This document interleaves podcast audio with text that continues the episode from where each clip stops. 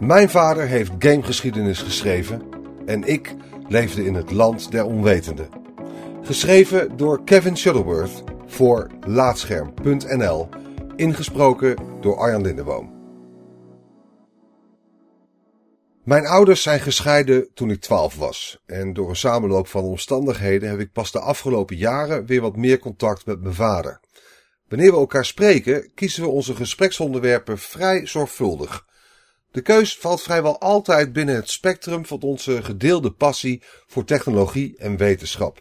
Zo heeft hij me recentelijk geleerd hoe entropie zwaartekracht veroorzaakt en speculeren we gretig over het samenkomen van mens en machine op een moment dat de singulariteit heet.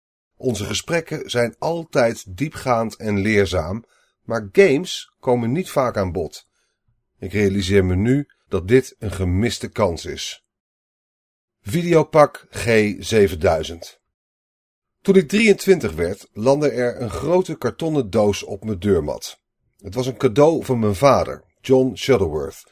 In de doos vond ik een Philips Videopak G7000, een obscuur klinkende spelcomputer uit 1978. Ik heb hieraan gewerkt bij Philips, zoals ik je heb verteld, en ik dacht dat je het wel leuk zou vinden om er kennis mee te maken. Staat me bij dat John uitlegt. Hoe de videopak aan moest, was een raadsel voor me. Mijn eerste consoles gebruikten al simpele SCART-kabels om ze aan te sluiten op de televisie.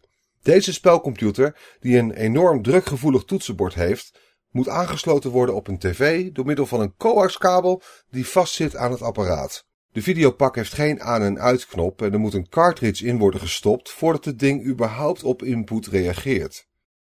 Ondanks dat John het apparaat vooraf succesvol heeft getest, krijg ik de G7000 niet aan de praat. Na een korte periode stof te hebben gevangen op mijn vensterbank, verdwijnt de videopak in een doos om vergeten te worden. Maar gelukkig niet voor lang. Odyssey. Toen ik in 2014 verhuisde, ging de videopak natuurlijk mee. Hij verdween niet in ons aparte berghok, maar in de opslagkast waar ook de wasmachine staat.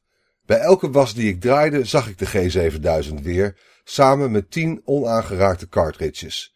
De nieuwsgierigheid werd me aan het begin van de zomer van 2017 te veel en het stoffige apparaat belandde opnieuw voor mijn tv in de hoop dat ik hem dit keer wel werkend zou krijgen. Na een aantal uur sleutelen en online zoeken naar oplossingen zonk de moed me weer in de schoenen. Ik zette me trots opzij en klopte bij John aan voor hulp. Ik wist op dat moment nog steeds vrij weinig over Videopak en wat John er nou precies aan had bijgedragen. Het is veertig jaar geleden, antwoordde John. Heel veel weet ik er niet meer van, maar ik heb ergens nog een link naar een artikel over mij.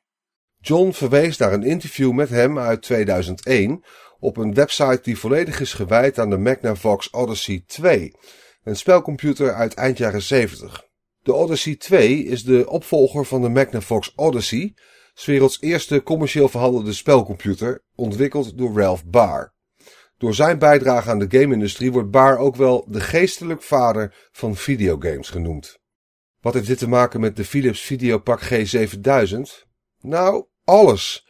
Magnavox is een dochterbedrijf van Philips en de Videopak G7000 is de Magnavox Odyssey 2 herontwikkeld voor de zogeheten PAL-gebieden.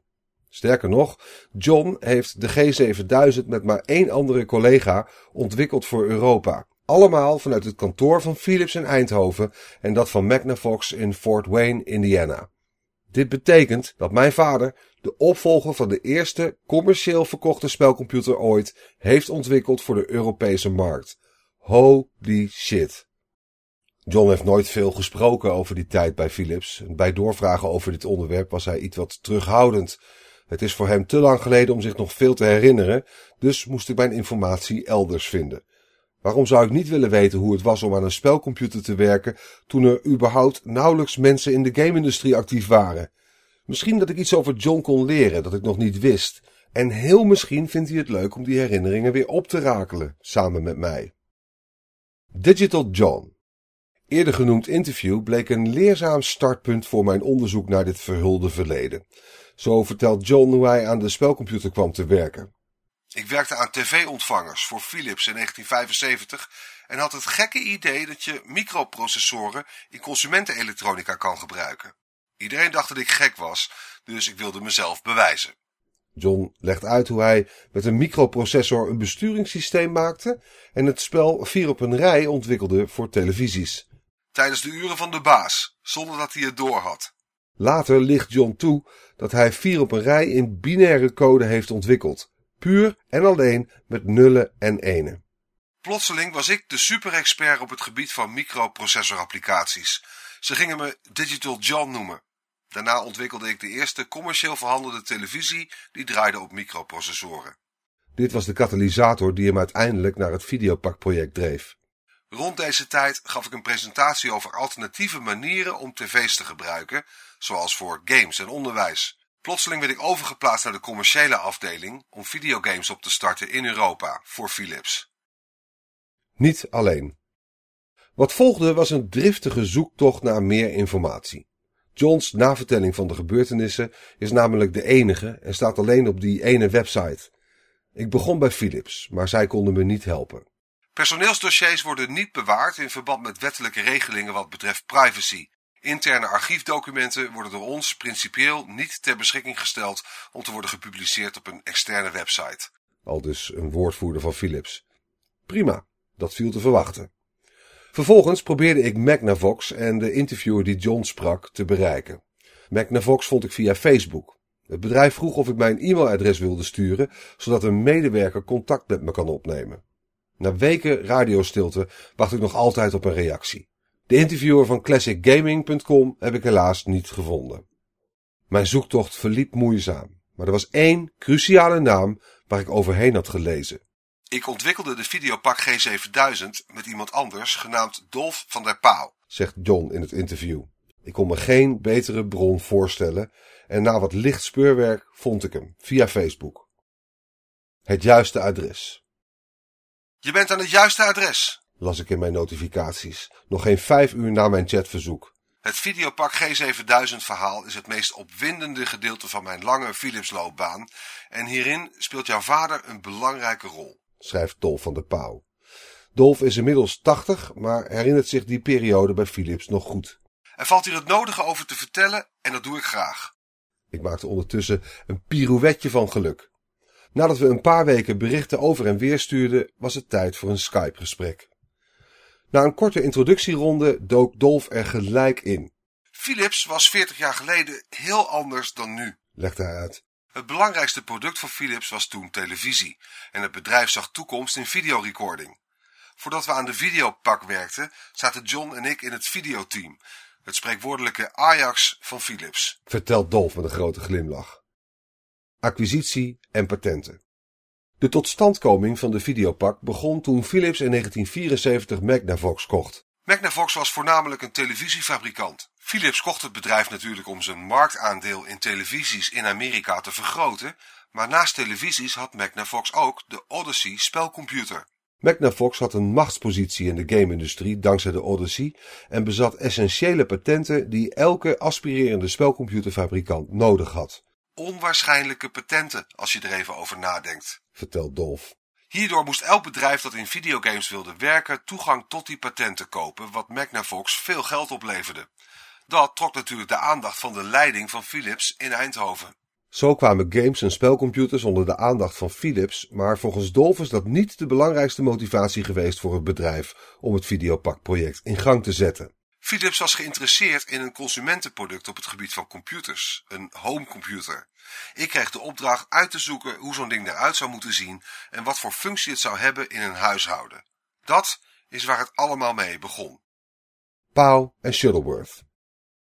Dit is waar de verhalen van John en Dolph samenkomen. Het was 1976 en Dolph had geen collega's om dieper mee in zijn opdracht te duiken. Ik zocht dus medestanders en toen vond ik jouw vader, die zeer geïnteresseerd was in het onderwerp. Dolph vertelt dat hij gelijk een klik had met John, omdat de, tussen aanhalingstekens, toekomst van computers en de rol daarvan in de samenleving hem enorm bezighield. Ik herinner me dat we samen op Schiphol stonden om in te checken toen John zei, over een tijdje hoeft dit niet meer, dan doen we dat gewoon thuis via een computer. Nu ik er weer aan terugdenk, blijft dat ontzettend leuk, want we hebben op meerdere vlakken gelijk gekregen. We konden het heel goed met elkaar vinden, benadrukt Dolf. Vervolgens verdwijnt hij even uit het zicht van zijn webcam om iets te pakken. De videopak G7000. Als je het ding nu ziet, dan denk je al gauw een spelcomputer met een toetsenbord. De bedoeling was natuurlijk dat we een homecomputer maakten. Dus het had een toetsenbord. Maar we dachten na over dit probleem toen er nog geen internet was, geen e-mail, niets. Wat er wel was, waren games. Games als middel. Dolf pakt een van de videopak cartridges erbij en houdt deze voor zich. Dit was nou typisch een voorbeeld van een idee van John die potentie zag in software als handelswaar. Volgens Dolf wilde iemand hogerop bij Philips dat de videopak met 5 à 6 ingebouwde games gemaakt werd. Het spel dat je wilde spelen koos je dan met een speciale schakelaar. Nou, die man had het duidelijk niet door. Atari, onze grote concurrent destijds, had verwisselbare cartridges ook gauw overgenomen. De videopak is voor Philips nooit de beoogde springplank naar de PC-markt geworden. Alles week voor videorecording, waardoor al het andere naar de achtergrond verdween. Het begon bij Magnavox dat zich terugtrok omdat ze in de gaten kregen dat ze meer verdienen aan hun patenten dan aan het product. Dat betekende dat Philips het hele zaakje moest overnemen, waar men van schrok. Daarom is er ook nooit een volwaardige opvolger geweest. Mooie herinneringen. Het project was geen succes in de ogen van Philips, maar Dolf blijft herhalen dat het veel voor hem betekend heeft. Er gebeurde echt enorm veel en de markt veranderde voor onze neus. Ik denk er met enorm veel plezier aan terug, zegt hij. Samenwerken met John was ontzettend goed. Eigenlijk was het ook een hele rare constructie, want we vonden elkaar toevallig en we begonnen maar gewoon. Toen ik John eindelijk hierover sprak, was dat het eerste waar hij over begon. Dat het Videopak-project überhaupt van de grond is gekomen is een klein wonder. Dolf en ik hadden niet echt iets met videogames, maar wel met de potentie van de software en hardware. Als Dolf op een andere computertoepassing was gezet en mij erbij had gehaald, zouden we geen omkijken hebben gehad naar games. John bevestigt dat de korte levensduur van videogames binnen Philips vooral bij de aspiraties van het bedrijf lag. Omdat het geen videorecording of televisie was, was het volgens Philips gefaald, ondanks het commerciële succes. John en Dolf hebben naar eigen zeggen gevochten om het apparaat met verlies te verkopen, om de meeste winst te boeken op de software. Dat was toen ongewoon, maar tegenwoordig de norm bij vrijwel elke spelcomputer die nog in het begin van zijn levensfase zit.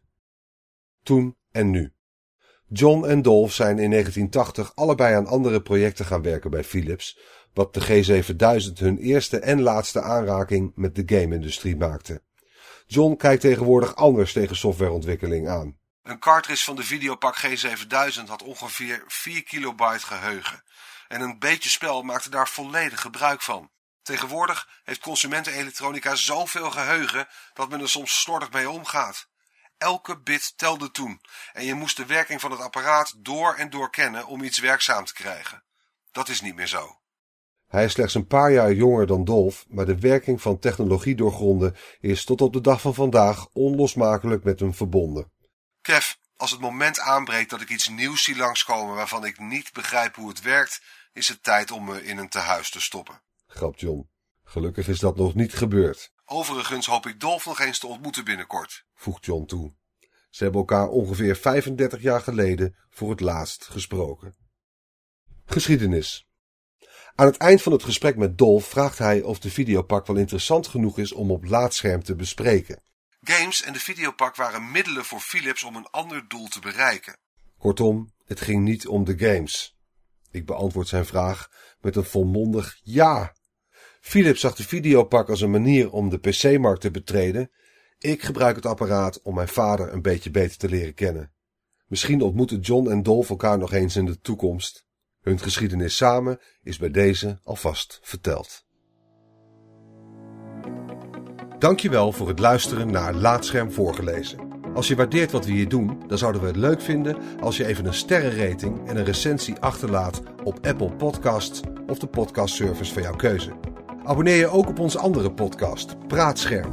En ga voor deze en meer verhalen, geschreven of gesproken, naar laatscherm.nl.